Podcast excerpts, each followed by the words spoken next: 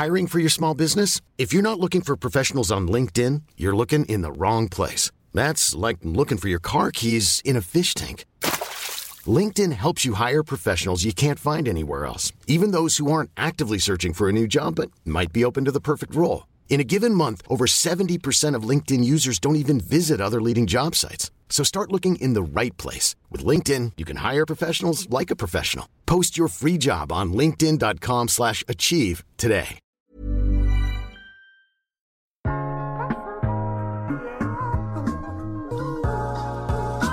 Hej, mit navn er Mark Anthony, og du lytter til iværksætterhistorier produceret af Podtribe Media i samarbejde med Ementi. Podtrap Media producerer i øvrigt også 10 i 8 motivation til et godt liv. Så har du lyst til at blive inspireret til, hvordan du skaber og fastholder god motivation, så tune ind på 10 i 8, hvor jeg og mine gæster deler ud af historier og gode tip til, hvordan du gør det. Du finder det hele der, hvor du allerede lytter til podcasts. I denne episode skal du høre historien om Morten Larsen. Kort fortalt, så blev Morten i sin tid headhunted af Jesper Buch til Just Eat – og siden da har han været direktør for Minto, indtil han stiftede og for ikke ret lang tid siden også solgte Hungry. Vi kommer ikke til at gå slavisk igennem Mortens historie, som vi nogle gange gør her i podcasten med vores gæster, men vi taler alligevel om, hvordan han med Hungry tog kampen op med mastodonten Just Eat, som han jo selv var med til at gøre til den største spiller på markedet. Udover det fokuserer vi på Mortens rolle som advisor og investor i dag, men også om de største faldgrupper, som han ser hos iværksættere, hvor den ene er, at man ikke har sat sig klare forventninger til rejsen helt fra start. Det første, jeg spørger alle om, jeg skal til at arbejde med, det er, hvad er jeres strategi? Hvad er det, I ønsker her? Ønsker I at lave en exit, eller ønsker I at lave en, øh, en profitforretning? Eller, eller hvad er det, I ønsker her? Så jeg vil sige, der er jo ikke noget rigtigt og forkert. Men jeg tror bare, det er super vigtigt, at man gør op med sig selv. Om det er vej nummer 1, 2 eller 3, man vil tage. Du får til sidste episoden også Mortens svar på, om Danmark rent faktisk er et godt sted at starte og drive sin egen virksomhed. Ellers har jeg ikke så meget at sige end, danske iværksættere kan bare noget. Rigtig god fornøjelse. Morten, ordet er dit. Jamen altså, jeg startede min øh, online-karriere tilbage i 1996 på Den Blå Avis. Øh, og efter ni spændende år der kom jeg til, øh, til Just Eat, hvor jeg blev headhunted af Herr Book.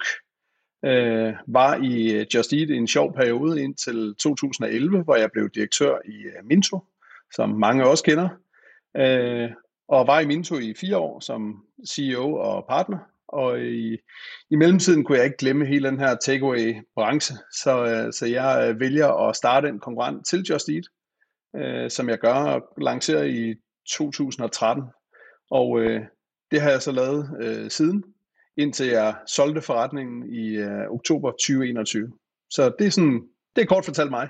Det er kort fortalt dig, og så ja. er, er der jo en masse andre ting, som du interesserer dig for, og investerer i og engagerer dig i, og det er jo noget af det, vi skal uh, tale lidt mere om. Men, men her fik vi lige en name drop af nogle af, de, nogle af de helt store, og også nogle, som har haft en ret stor impact, uh, impact på, på, på Danmark, kan man sige. Du har ligesom været, været, været først med nogle gange, kan man sige, Just, Just Eat, Minto, så kunne du ikke lige helt give slip på det. Så, så startede du Hungry med stor succes, uh, og solgte det jo så her, som du siger, for et ganske anseligt beløb til, til en, en, en, en halvstor tysk virksomhed, ikke? Præcis. Men du er stadigvæk, du er stadig fingeren lidt på pulsen der. Du er stadig øh, lidt med i Hungry. Jeg er ikke med i Hungry længere, nej. Jeg er øh, trådt øh, helt tilbage og øh, har intet med Hungry at gøre længere. Øh, Hungry er jo så i øvrigt i dag også øh, øh, fået foretaget et, et brainskifte, så det hedder nu Fodora, øh, Fodora.dk. Og det må også være lidt interessant for dig at se det der nye røde logo, så at sige, og så se, det er sjovt, hvordan var det lige, det startede et, et sted. Og det, i 2013 kunne du ikke give, og i 2013 kunne du ikke give slip på det, og så tænker man, åh, det er godt nok mange år siden, men der var der, var der jo allerede go, rigtig god traction inden, inden for det marked, og alligevel så vendte du tilbage, så tænker hvordan i alverden, hvordan får man den idé på at gå tilbage til den, og så, så bygge en konkurrent op? Jamen altså, dengang var det, det, det, der skabte muligheden dengang, kan man sige, det var, at øh, der var faktisk kun Just Eat på markedet. Øh, og, øh, og da jeg starter Hungry, der var det øh, en til en konkurrent mod, øh, mod Just Eat, og, øh, og det var et spørgsmål om at komme ud og Vi gik ud med en meget aggressiv prisstrategi og var markant billigere. Øh, og så var der også en masse øh, heldige ting, der spillede ind i øh, starten. Og det var, at Just Eat var jo nu også øh, var fondsejet øh, af nogle fonde i England osv., så, videre, så, øh, så der kom nogle beslutninger, som øh, bestemt gik i vores retning. Øh, for eksempel lavede de to markante prisstigninger de første 12 måneder, vi var i luften. Jeg kan da sige så meget, at det, øh, det gjorde det ikke sværere for os at komme i gang. så man kiggede på sin tidligere arbejdsplads og sagde, tak skal I have. Ja, tak. Ja. ja. ja så, øh.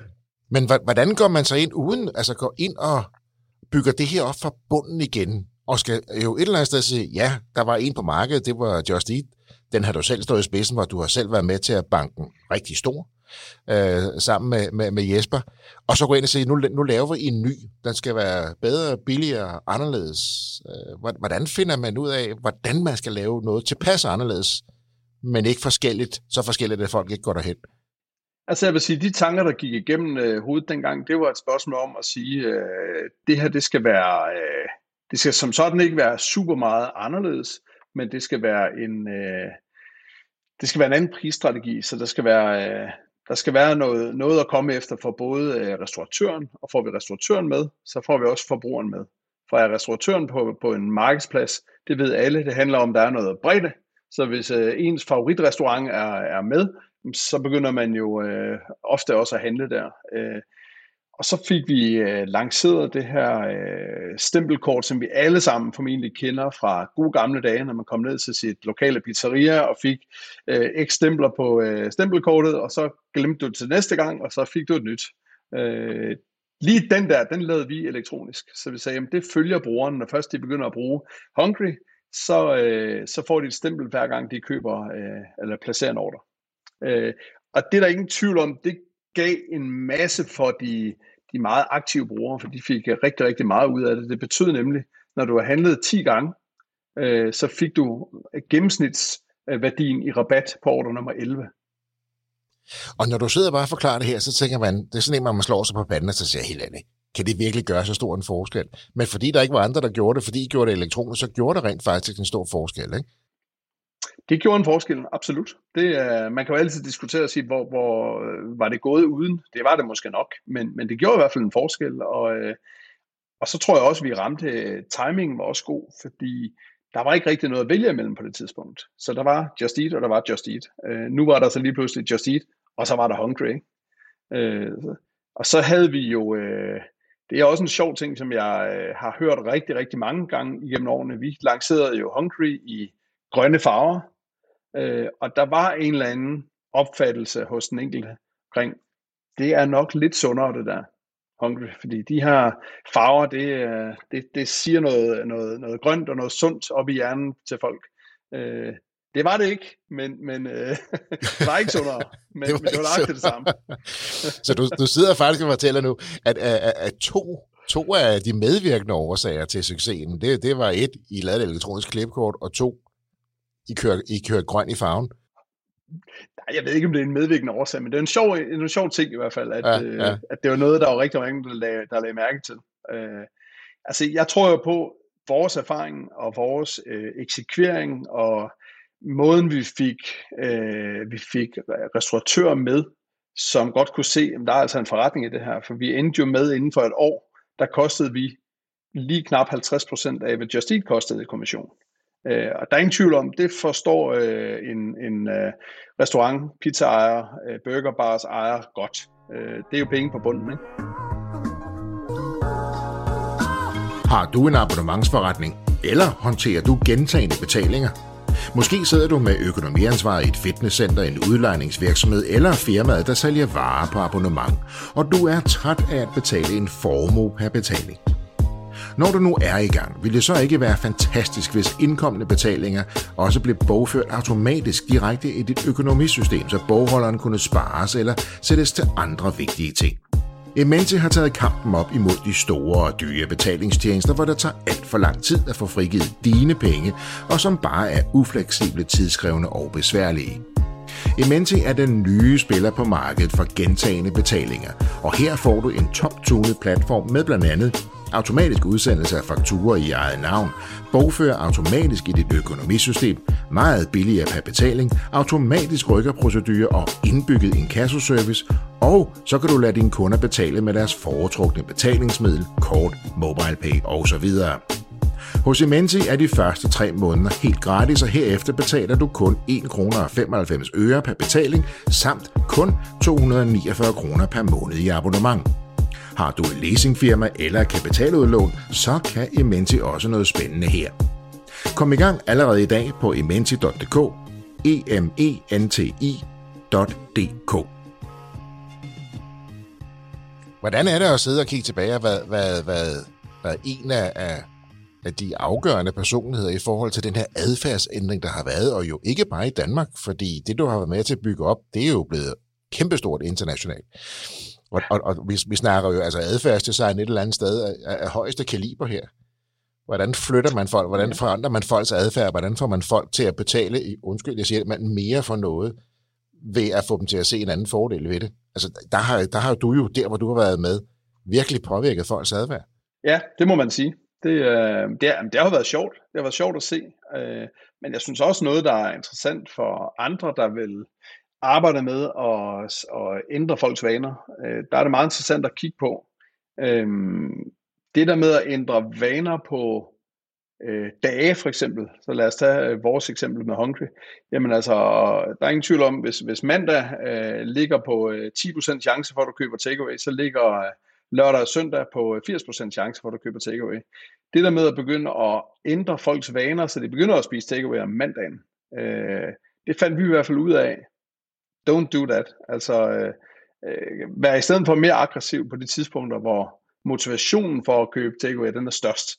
Øh, så, så, så der var også nogle learnings i, øh, i det, men altså i det hele taget vores måde at arbejde, eller vores måde at leve på, Øh, og nu er det jo med dagligvarer og alt muligt andet i dag. Ikke? Altså, det er jo blevet mere convenient. Det skal være, vi har travlt alle sammen, og det skal være nemt, og det skal være, det skal være hurtigt. Øh, og vi gider ikke nødvendigvis at ringe for at bestille noget. Eller det gør vi ikke. Nej, det gør vi jo slet ikke. Det er jo fuldstændig old school, ikke? Altså, hvis jeg kommer til at sige til min datter, at ringe lige ned til pizzamanden, så siger hvorfor ringer du ned til ham? ja. altså, ja. altså, ikke? altså sådan, ja, så er det, man føler sig rigtig gammel, ikke? Men, ja, jo, men, men, men, men det jeg tænker på, altså Morten, det, det har du været med til. Du har været med til at påvirke jo ikke bare europæerne, men også amerikanere. I, altså, det du har været med til at skabe, det er jo globalt. Så du har jo været inde og lave en global adfærdsændring hos millioner af mennesker. Er det noget, du sådan en gang imellem vågner op og tænker, kæft, det var jeg skulle med til?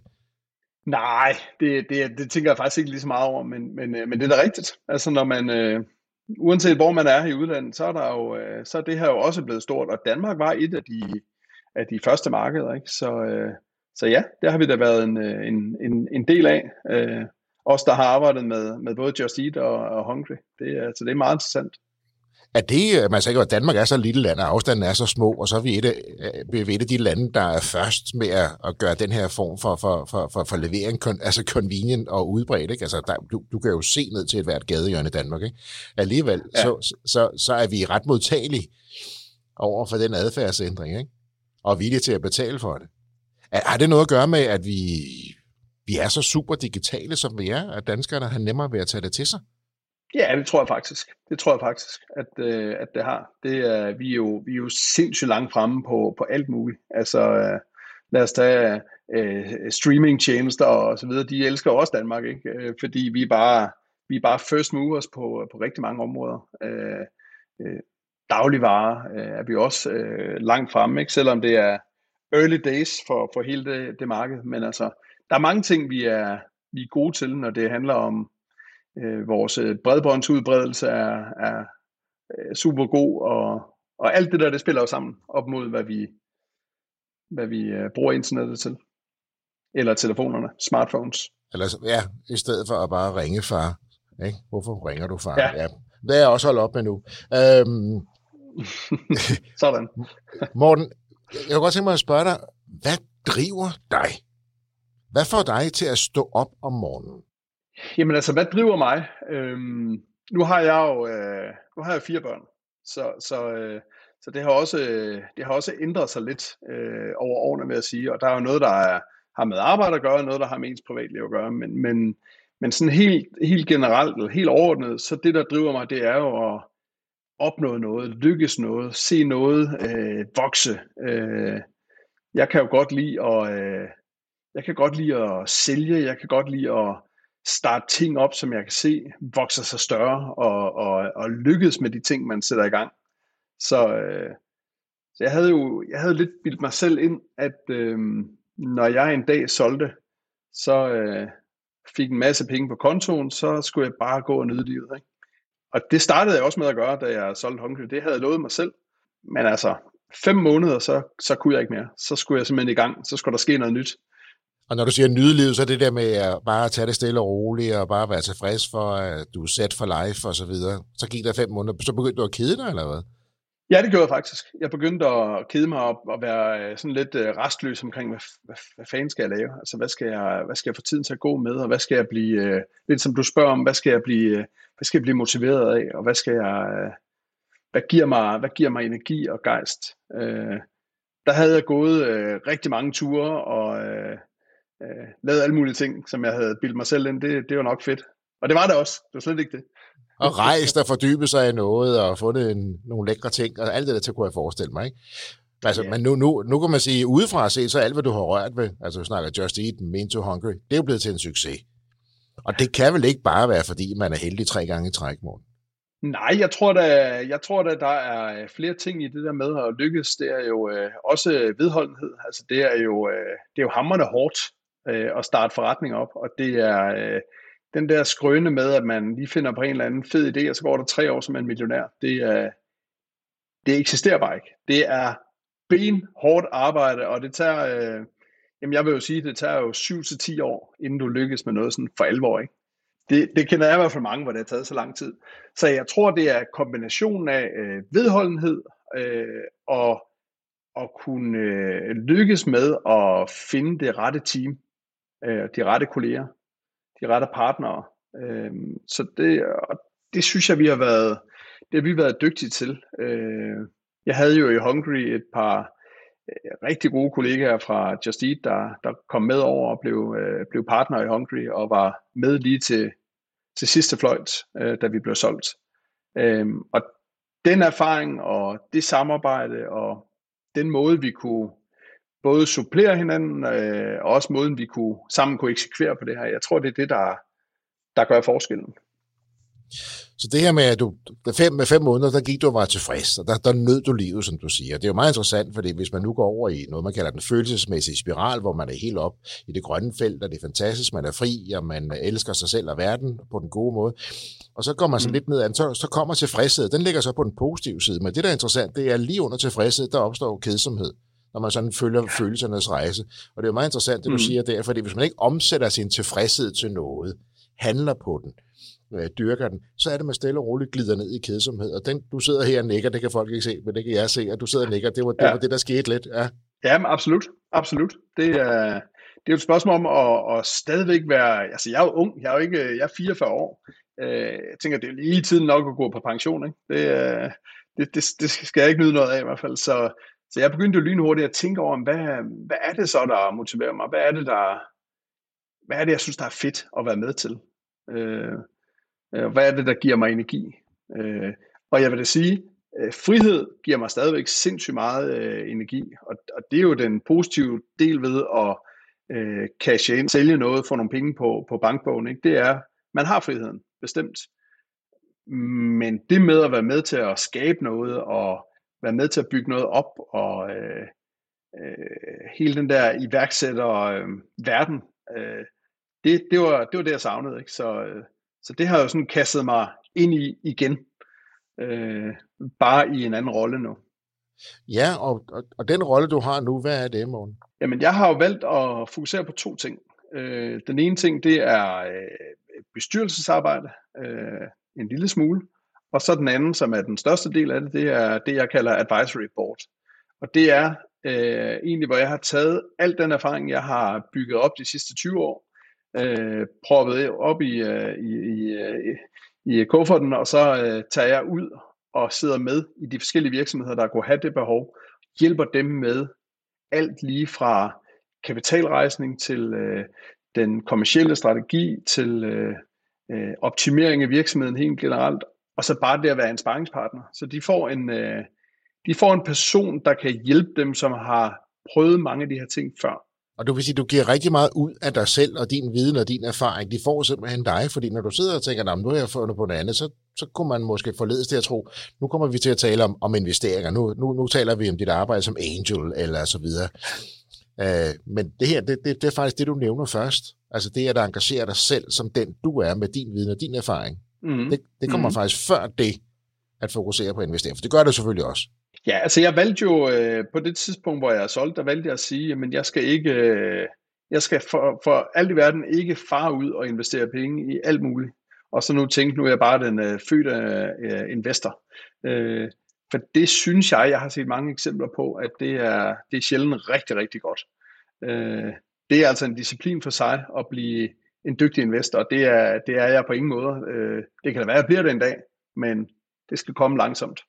Så, øh, Hmm. Så den, den her ydmyghed, der kommer her også om, omkring det her, altså, hvis jeg lige sådan må parafrasere på det, du siger, så det du siger, fordi man har været dygtig til at bygge noget op øh, flere gange, hvad du har, og fået solgt fra og fået en masse penge ind på kontoen, det er ikke i sig selv en kvalifikation til at være en dygtig investor. Er det det, Absolut du siger? ikke. Okay. Ja, 100 procent. Det er 100 procent, det jeg siger. Øhm, så du kan sige, de, øh, i dag er jeg jo øh, investor, øh, men det er jeg ikke alene. Det er jeg jo i, i samarbejde med, med Jesper Buk, og, øh, og jeg er blevet en del af øh, hans team bag ved Løvens Hule, øh, hvor du kan sige, at det er, det er Jesper, der foretager investeringerne, og, øh, og jeg er med til at gøre det, som jeg er super god til. Det er at optimere virksomhederne efterfølgende. Så, øh, så det er ligesom det samspil, vi har, vi har lavet. Ja, der har jeg lavet ret godt, og jeg, det, jeg har lavet et selskab, der hedder Viking, ikke? omkring det her. Viking Capital, ja. Viking Capital, ja. Og, og det fungerer sådan, at uh, han er manden på skærmen, så at sige. Ja. Og, og du er så ham, der rykker, rykker ind. Du er den her COO, man sådan kan deploye lige pludselig, og så løber du tingene varmere og for, forstå, det er det, du kan. Så du er den her handlingsmand. Er det fordi, du godt kan lide at få fingrene ned i det og, og, og modellere og skabe og opbygge og strukturere og så få tingene til at ske? Ja, det kan jeg. Det kan jeg, det kan jeg rigtig godt lide. Og så synes jeg jo bare efterhånden, med, med alle de erfaringer, jeg selv har, jamen jeg er relativt hurtig til at spotte, hvad det er, øh, en virksomhed de øh, enten øh, ikke gør eller, eller gør forkert. Og, og så hjælpe dem med at optimere på de ting. Så, øh, Uden at du øh, skal udlevere nogen her, øh, for nu har du prøvet det her, du lige beskriver noget, det har du prøvet et par gange. Så jeg kan godt tænke mig, hvad, hvad, hvad er noget af det, du ser oftest, at en, en, en startup egentlig gør forkert, eller, eller der skal rettes op på? Jamen altså, den, øh, afhængig af, hvor de er hen i fasen, vil jeg sige. Men, men den, en af de typiske ting, det er jo, at man ikke har styr på sin, øh, på sin økonomi, på sit bogholderi, på sin tal, helt generelt. Så helt lavpraktisk, øh, man har ikke et budget. Øh, man øh, ved måske ikke, hvad det koster, og øh, hvordan, altså hvad ens markedsføring den giver. Hvad koster det at købe en kunde? Øh, hvad er livstidsværdien på en kunde? Og alle sådan nogle basic ting, som jo er øh, vanvittigt vigtige at have styr på for at, at vide, om du kan blive en succes med din virksomhed eller ej. Øh, det er nok de typiske ting, jeg ser. Øh, og så er det jo klart, så er der også nogen, der, der har udfordringer med, øh, det kan være, det er øh, tre venner, der har bygget en virksomhed, de har bygget et super fedt produkt, og det er de bare styr på. De er udviklere, de er produktfolk, men hov, vi skal også tjene nogle penge. Øh, og det har de brug for hjælp til. Og, og det er helt fair, men, men det ser jeg også tit. Og det, jeg oplever også selv, nu har jeg også haft fornøjelsen rigtig mange her i studiet, jeg oplever nemlig også det, du siger, det at, at folk kan faktisk er enormt gode til at, at skabe et unikt produkt, som har et kæmpe potentiale. Men det her med at, at kunne leve af det, altså drive forretningen sundt, det er de ikke særlig gode til. Og så er der desværre nogen, der ikke når dertil, hvor de møder sådan en som dig for eksempel. Og så begynder de at tabe troen på sig selv og deres eget produkt. Enten så ender de med at sælge det alt for billigt, eller så ender de med at flytte deres fokus øh, på noget helt andet. Hvordan spotter man det her, hvis man nu ikke lige har dig endnu ombord? Hvordan spotter man det her, så man ikke ryger ned i det her hul og mister troen? For det er næsten noget af det værste, hvis man øh, selv begynder at tvivle på sit produkt, ikke? Jamen, jeg tror virkelig ikke, det er sværere end... Øh, de fleste ved jo godt, hvad de er gode og dårlige til. Så, så jeg vil sige, det vigtigste er at æde stoltheden, og så, øh, og så gå ud og finde enten en partner, der kan det, du ikke kan, øh, eller gå ud og, og købe dig til det. Øh, fordi på den lange bane, så er det jo vanvittigt godt givet ud at komme ud og finde nogle mennesker, der enten har gjort det før, eller, eller kan fortælle dig, hvordan du skal gøre. Øh, så investere nogle penge i det, og så kom, så kom videre inden man sådan begynder at slå sig selv alt for meget oven i hovedet og tvivle på sit eget produkt, fordi så er det, så bliver det jo endnu sværere, kan man sige. Ikke? Så bliver det jo endnu sværere, ikke? og så er, der jo, så er der jo dem, der bliver ved med at sidde og videreudvikle på deres produkt, og gøre det bedre og bedre og bedre og bedre, men de kommer aldrig i luften, de kommer aldrig dertil, hvor de begynder at tjene nogle penge. Øh, og der er jeg jo helt modsat, øh, øh, hvor jeg siger, at jeg vil hellere øh, eksekvere, komme i luften, få nogle hug ret til, og så, men så er vi i gang. Få produktet ud at leve, og så få noget feedback fra de vigtigste, og det er, det er dine kunder. Men, men det er der mange, der er bange for, at, at tale med kunder. Ja, det er jo lidt interessant. Man skaber noget, man skal leve af, og det er forudsætning, hvor man kan leve af det, er, at man får nogle kunder, og så, så, så har man lidt svært ved det. Ja. ja. ja.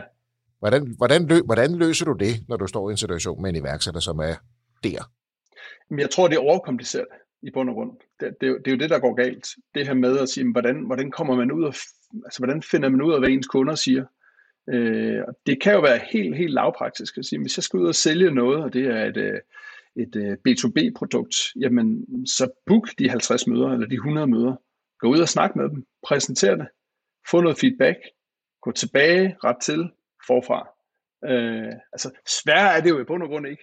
Øhm, og, og, og snakker vi et B2C-produkt, jamen så få det i luften, lancer det. Og, øh, og så kan det godt være, at der er nogle ting, der fejler, for det ser man jo øh, lynhurtigt, hvis ikke der er omsætning. Så ret til, ny version ud, se hvad der sker. Det er, det er i hvert fald min approach, så man ikke ender med, at det bliver sådan nogle evighedsprojekter, man aldrig kommer i luften med. Og få det derud og bare teste af, er der en fejl, så rette op på den, og så blive ved med at tro på det. Og nu har det jo selv været i min virksomhed, for eksempel Just Eat, hvor hvor opstarten, den, der, den var også lidt bumpy, ikke? og der var noget data, der røg på et tidspunkt, og, og så videre. I, i de... Det var før min tid, men ja, ja. Det, øh, ja. det er rigtigt. Og, og der kan man sige, at der, der kræver det altså en tro på produktet på den anden side, når man skal samles op efter nogle af de her ting og sager. Øh, ja. Så at få det ud, justere, tro på det, lyt. Lyt, ja. Simpelthen ja. lyt ret til. Prøv igen. Oplever du nogle gange, at nogle iværksættere har en stolthed, som står i vejen for deres egen succes? Øh, ja, jeg har da mødt, øh, jeg har da mødt flere, hvor, øh, hvor, hvor de er så kloge, at øh, det, kan, det kan ikke blive bedre, og det kan også være, at de har ret. Deres produkt er super fedt. Men hvad hjælper det, hvis ikke man kan finde ud af at, øh, at, få, det, at få det bredt ud, og få det, få det markedsført, få det fortalt til markedet, så kan det være lige fedt, hvor godt det er. Så, så jeg, tror, jeg tror altid, det er mellemtingen imellem at være øh, alt for hurtig øh, med et dårligt produkt og være øh, super langsom og blive ved med at øh, overanalysere. Så find mellemting, og så kom, kom afsted. Og lige den sidste der med overanalysere, overanalysere, overanalysere, ikke? og så skal vi have noget hjælp, men vi skal have hjælp på vores måde. Det skal være den hjælp, vi tror, vi har brug for. Og så er det måske nogle gange, man ikke lige har den rigtige lytter på, ikke? så hører man jo ikke. Og så ser man jo ikke efter det, man virkelig har brug for, og så er det jo for, at ofte knæ- knækker lidt, ikke? Eller meget. Ja, Ja, ja, nemlig. Ja. Enig. Det er, jeg tror altid, det er sundt at blive, øh, blive udfordret. Øh, og vi er jo alle sammen, det har også selv været, slemme til, at når vi starter vores egen virksomhed, så vores øh, øh bestyrelse eller vores øh, nærmeste, som er udgår bestyrelse eller advisory board, det er vores medejere. Øh, og så ender det lidt med at blive sådan en lille kaffeklub, hvor Øh, til sidst ved vi næsten ikke, hvad vi skal snakke om, så vores møder de ender med at blive afrapportering. Øh, ja. Og det er det, jeg forsøger at komme væk fra, når jeg hjælper virksomheder. Det er at sige, vi skal stikke ned der, hvor det gør ondt. Alt det, der ikke fungerer, det er det, vi skal have fat i at have løst. Så vi er endnu bedre, når vi holder næste møde. Nu har du øh, opbygget en ret god erfaring, både på at bygge virksomheder op og sælge dem, og sidde i bestyrelser og advisory boards. Så lad mig spørge, spørge dig, når når vi laver både bestyrelser og advisory boards herhjemme, er vi gode nok til at sammensætte, er vi modige nok til at sammensætte det rigtige advisory board? Tør, tør vi gøre det, der skal til, eller gør vi det lidt som, som man plejer? Har man lidt de klassiske i advisory boards, de her typer med den erfaring og det her, de bestyrelsescertifikat og så videre? Er vi modige nok, når vi bygger det her op? Jeg tror i hvert fald, vi er, vi er for langsomme til at tage beslutningen om, at det giver værdi at få nogen udefra, der kan udfordre en. Øh, og så ender det jo netop med, og jeg er ikke, jeg er ikke bedre selv, for jeg har gjort samme fejl, øh, så ender det jo netop med, at den kreds af mennesker, man har til at sidde og hjælpe en frem, det er også dem, der har penge et i virksomheden. Og det vil sige, uanset hvad de siger til de møder, de sidder til, så er det ikke kun virksomheden, de har øh, for øje, det er også deres egen private økonomi. Og det synes jeg nogle gange er farligt, og det viser sig i øh, de, de steder, jeg er med, at det er bare en udfordring, fordi så virksomheden bør være nummer et i alle beslutninger, vi tager, øh, og ikke om det går lidt ud over min økonomi eller, eller ej. Så, øh, så, så jeg vil sige, ja, jeg, jeg tror folk de er, de er for langsomme, og så er de for dårlige til at sætte sig ned og finde ud af, hvad er det egentlig, vi mangler hjælp til? Hvad er det, vi er dårlige til? Øh, fordi det der med at få nogen ind udefra, det behøver ikke at være en evighedsting. Det kan sagtens være, at man har, øh, hvis man skal bruge penge til, eller bruge hjælp til at øh, rejse kapital, eller man skal bruge hjælp til at blive mere kommersielle. Men det kan jo godt være, at det er et forløb på 3, 6, 9 måneder eller 12 måneder. Og så er det nogle andre kompetencer, man har brug for. Ja.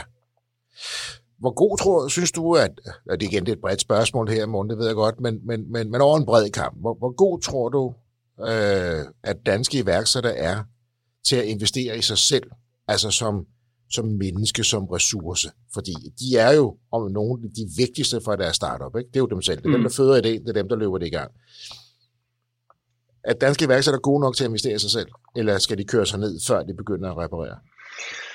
Jamen, ja, det kommer lidt an på, hvad det er for en investering, du snakker om, men, men, øh, men det der med at investere kan jo både være rent arbejdsmæssigt på de øh, kompetencer, man mangler, men det kan jo også være at investere i sig selv i form af at lave personlig øh, videreudvikling og, øh, og hvad vi nu skal kalde det.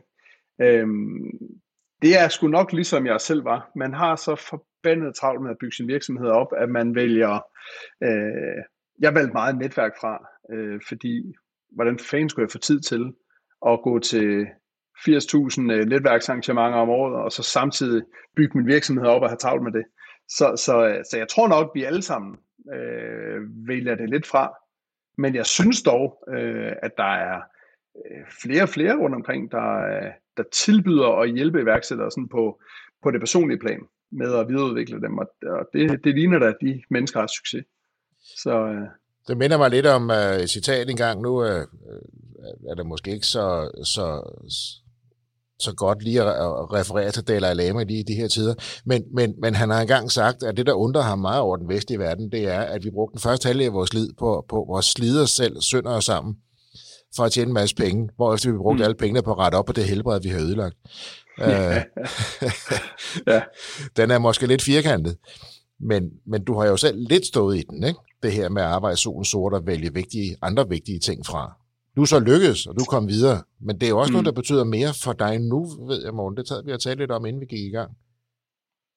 Ja, altså jeg vil sige, øh, hvis jeg kigger tilbage på min tid, øh, det kræver jo noget at være iværksætter og starte noget op. Det, øh, der har været meget diskussion frem og tilbage omkring, øh, kræver det 80 timer om ugen, eller, eller gør det ikke?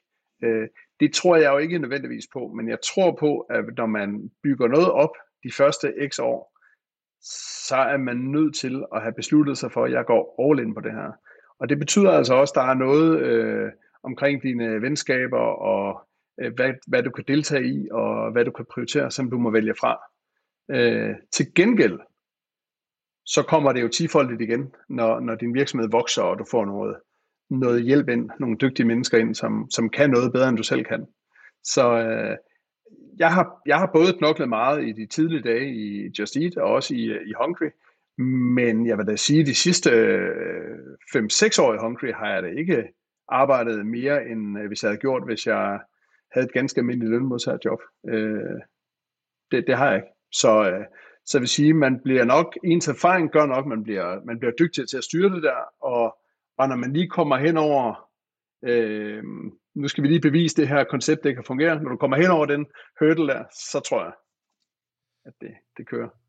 Fordi det er jo rigtigt, det kræver hårdt arbejde, og det, men jeg, jeg taler indimellem også nogen, med nogen, som siger, okay, jamen det kan godt være, det kan være hårdt arbejde, men det kan være, hvis jeg i stedet for at sige, at nu bruger jeg et år på det, så bruger jeg to år på det der, der lader sig at være sådan en lille, lille strømning lige for øjeblikket, hvor der er nogle iværksættere, der siger, at det her det handler ikke om, at jeg skal bygge den op og kunne lave en exit om to år. Det er måske også Nej. noget, jeg gerne vil lave om fem år, eller det gør ikke noget, det tager tre år i stedet for to år.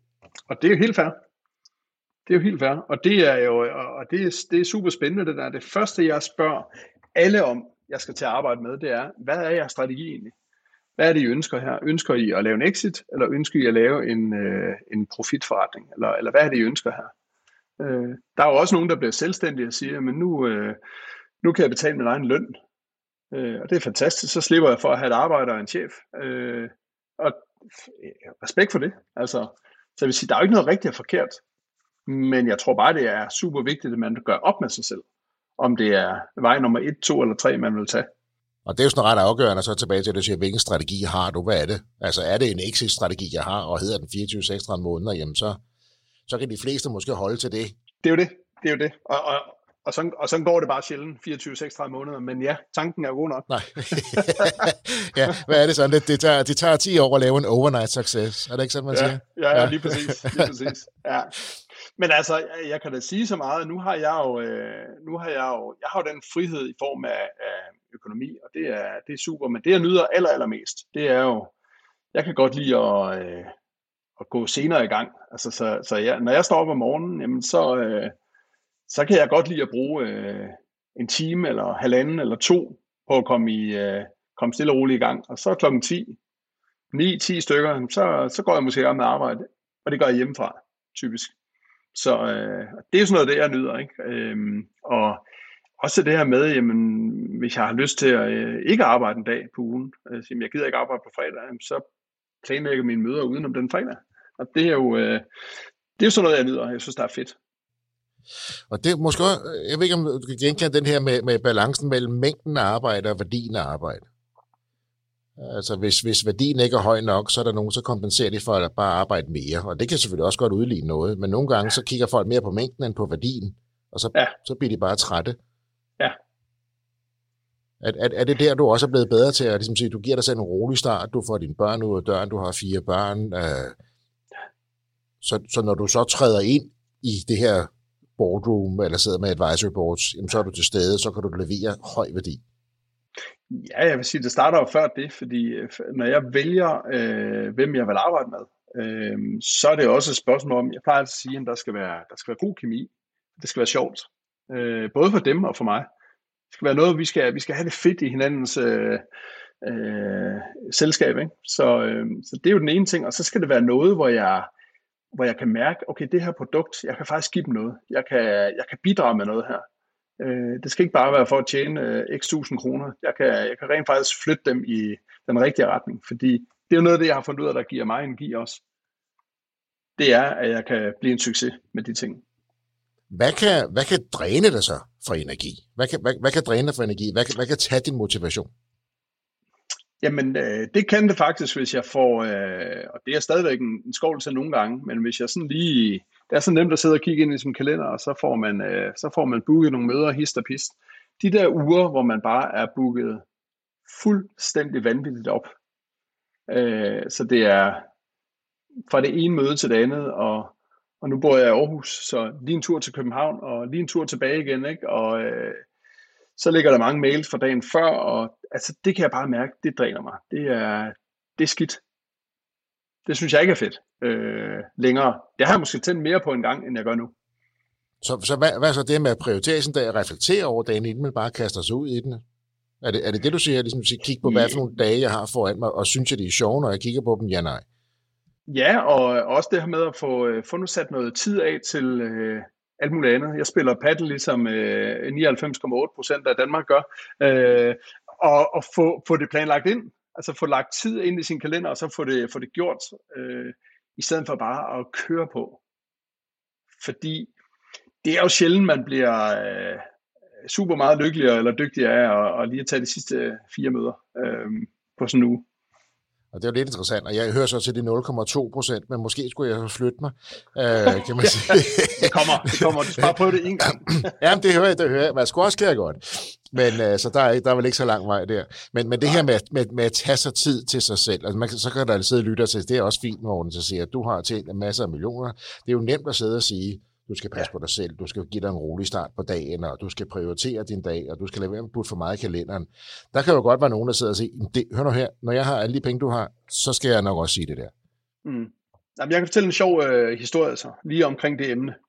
Øh, alle kender jo øh, Jesper Buch, og, og de ved også, hvordan han i de tidligere år i hvert fald har siddet og sagt, Åh, vi skal arbejde 80 timer om ugen, og øh, sådan i den dur der. Øh, da jeg var 27 år, der, der begyndte jeg at arbejde sammen med Jesper, og øh, øh, blev direktør. Noget af det første, jeg sagde til ham, det var, øh, at han skulle vide, at øh, jeg, det skal siges, tre måneder før jeg tiltræder som direktør i Just Eat, der får jeg tvillinger.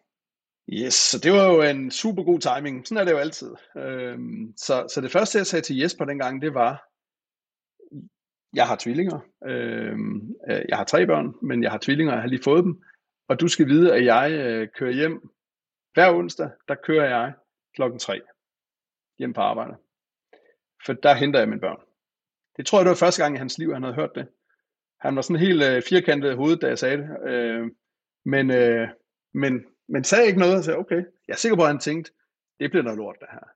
Men, men, men der fandt sådan en som Jesper også ud af, jamen, okay, det kan man faktisk godt. Og så kan man placere de timer på et andet tidspunkt, når ens børn sover, eller øh, hvordan det nu lige passer ind. For det var ikke, fordi jeg ikke lagde mine timer i, i det dengang.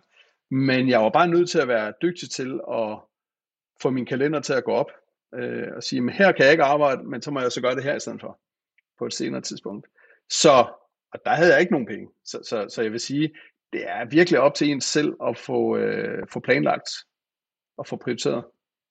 Og nu står det som 27 år over for Jesper Buk, og I er ved at bygge det her op, og det, det, det er godt gang. Det kræver vel også uh, lige lidt. Altså, nu skal du høre, uh, chef, jeg kører. ja, bestemt. bestemt. Uh, det aftækker vel også noget respekt, og nu ved vi jo, uh, nu ved vi jo så, sådan offentlig hemmelighed. Altså, nu begynder Jesper jo også at blive, skal passe på, man kalder mere blød, men, men han begynder måske at, at fokusere lidt mere på det, at vi sidder og mm. taler om lige nu her. Mm. At det ikke ja. kun handler om de 80 timer, ikke? Bestemt. Så måske starter det dengang, Morten. Det var dig, der plantede det frø i ham. Ja, det kan være. Det kan være. øh, nej, men det er da rigtigt. Det er jo... Øh, jeg var jo heldigvis tvunget ud i, at jeg var nødt til det. Det var, det var bare sådan, det var. Øh, så, øh, men det er der jo mange, der er. Der er mange, der har en hverdag, hvor der er bare travlt, og, og man har simpelthen, altså de kære børn, de skal jo hentes i, øh, i dagpleje og i børnehave og så videre, uanset hvad. Så, og så må man jo bare placere de timer på et andet tidspunkt. Det er... Men, men du, du gjorde det så, fordi mange vil jo så give efter, de sidder over for, for, for, for en, der står i spidsen for noget, der vil blive stort, og, og så videre, og så videre. Nogle vil have svært ved at sige fra. Jeg sad med to unge, øh, unge mænd i går, hvor jeg så ved at bygge en ret interessant virksomhed op, og så skal vi, vi skal så booke nogle ting, og så siger, øh, kan de ikke få kalenderen til at gå op, og så siger den ene til den anden, jamen det er lørdag, jamen der har jeg Alma, siger han så, hans datter. Ja, men det er bare nogle timer, kan du ikke, kan du ikke bare lige få nogen til at passe ind? begynder han, jo, så siger nej, ved du hvad, nej, nej, stop, stop, stop, stop. Prøv lige at høre, hvad det er i gang, og hvad det er, vi rent faktisk skal arbejde med. Vi skal sørge for, at I er mere grounded, I har mere balance som mennesker, og I fungerer bedre sammen. Nu sidder du og beder ham om at få en til at passe en datter, de få timer, han har ind. Ja. Nå ja, synes, men det var jo ikke sådan men. Jo, det var det faktisk. Ja. Men det er jo det, vi skulle lavet om på. det ja. var det, du mente jo. Så, og det er, jo, det er jo lige præcis det, du siger, at turde sige det, fordi det er det rigtige også på den lange bane. Og så kan man så sige, hvis du, hvis du arbejder sammen med nogen, der ikke kan rumme det, så kan man så spørge, om man er det rigtige sted, ikke?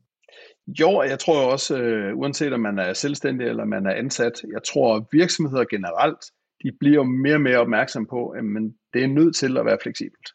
Og 9 ud af 10 har jo nok også oplevet under corona, at det gik jo ikke helt galt, selvom at folk sad hjemme fra arbejdet. Så kan man altid diskutere, om det var lige så effektivt. Det synes jeg personligt ikke, det var. Det var ikke lige så effektivt, som hvis folk sidder inde på kontoret. Men så må man jo finde en eller anden, øh, en eller anden afart af, af det, og så give en eller anden form for fleksibilitet. Ja, man kan jo dykke ned i sig, hvad var det, der ikke var lige så effektivt? Hvad var det, der var mindst lige så effektivt? Eller hvad, hvad, ja. hvad, hvad, hvad, hvad, hvad fik vi så positivt ud af det, og hvor var det, vi ikke var effektivt nok? Og så kan det være, jamen det er fordi, det her det er bare ikke godt online. Men så kan vi så løse det nu jo. Præcis. Du har skabt uh, danske internationale succeser. Du har været med fra starten af. Du har lavet skalering både ind- og udland. Uh, du har om nogen været omkring. Er Danmark et godt iværksætterland? Ja, det synes jeg.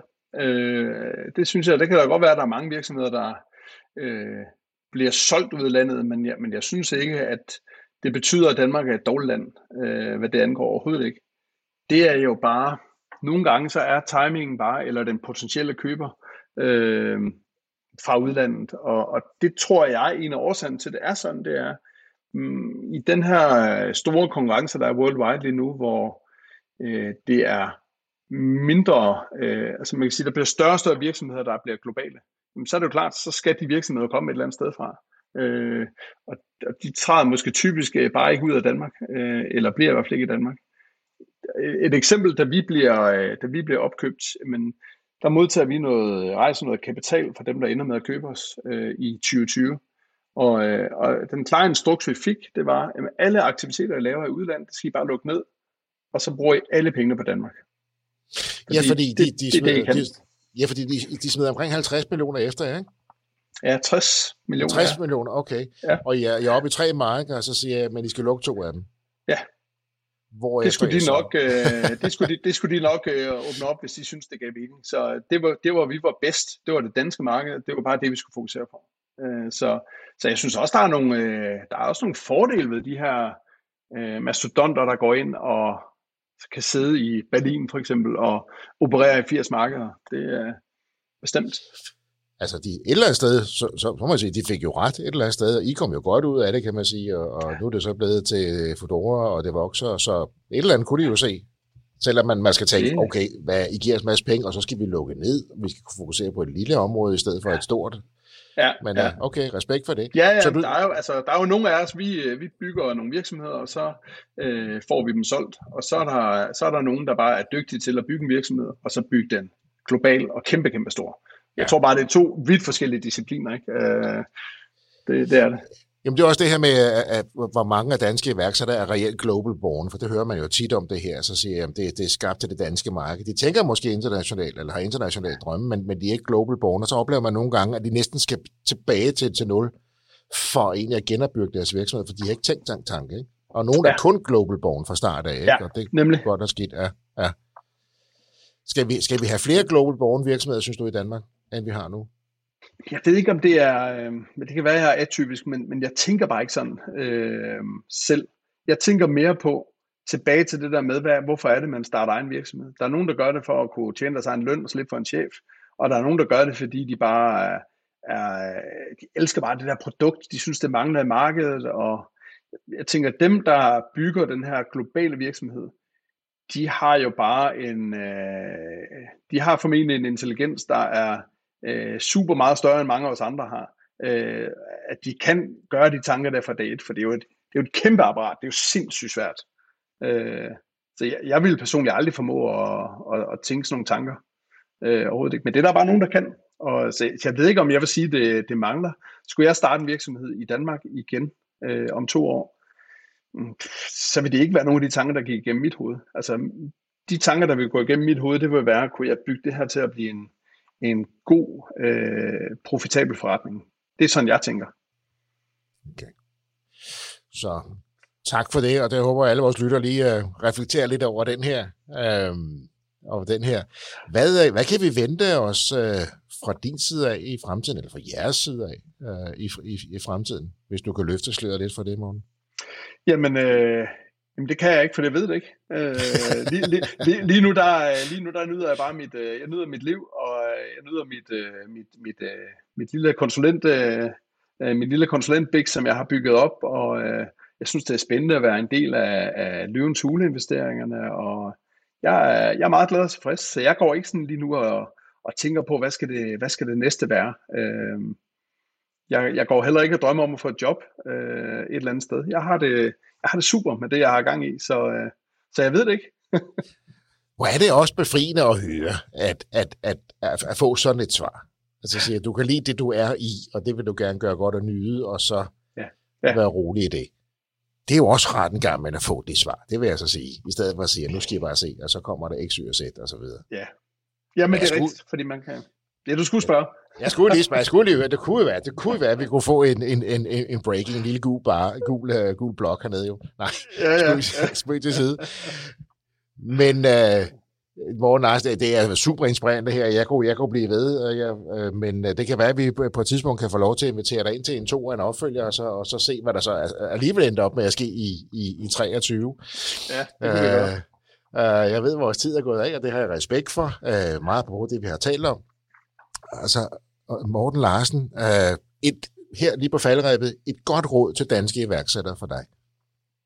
Jamen, jeg kan kun sige det samme, som jeg har, som jeg har sagt før det er det her med, øh, find nu nogen at gøre det med, hvis du vil starte din egen virksomhed. Find en, en god partner, der kan et eller andet, som du ikke kan. Øh, og så kom, du skal ikke være bange for at komme ud over stemmerne, for eksekveret, teste nogle ting af. Også selvom du ikke synes, dit produkt er helt klar. For det bliver aldrig helt klar. Det, der bliver ved med at være ting, man kan rette til. Sådan, udmærket, fremragende, og jeg skal slet ikke gå ind i det, jeg skal bare have lov til at stå knivskarpt, som det gode råd for dig her.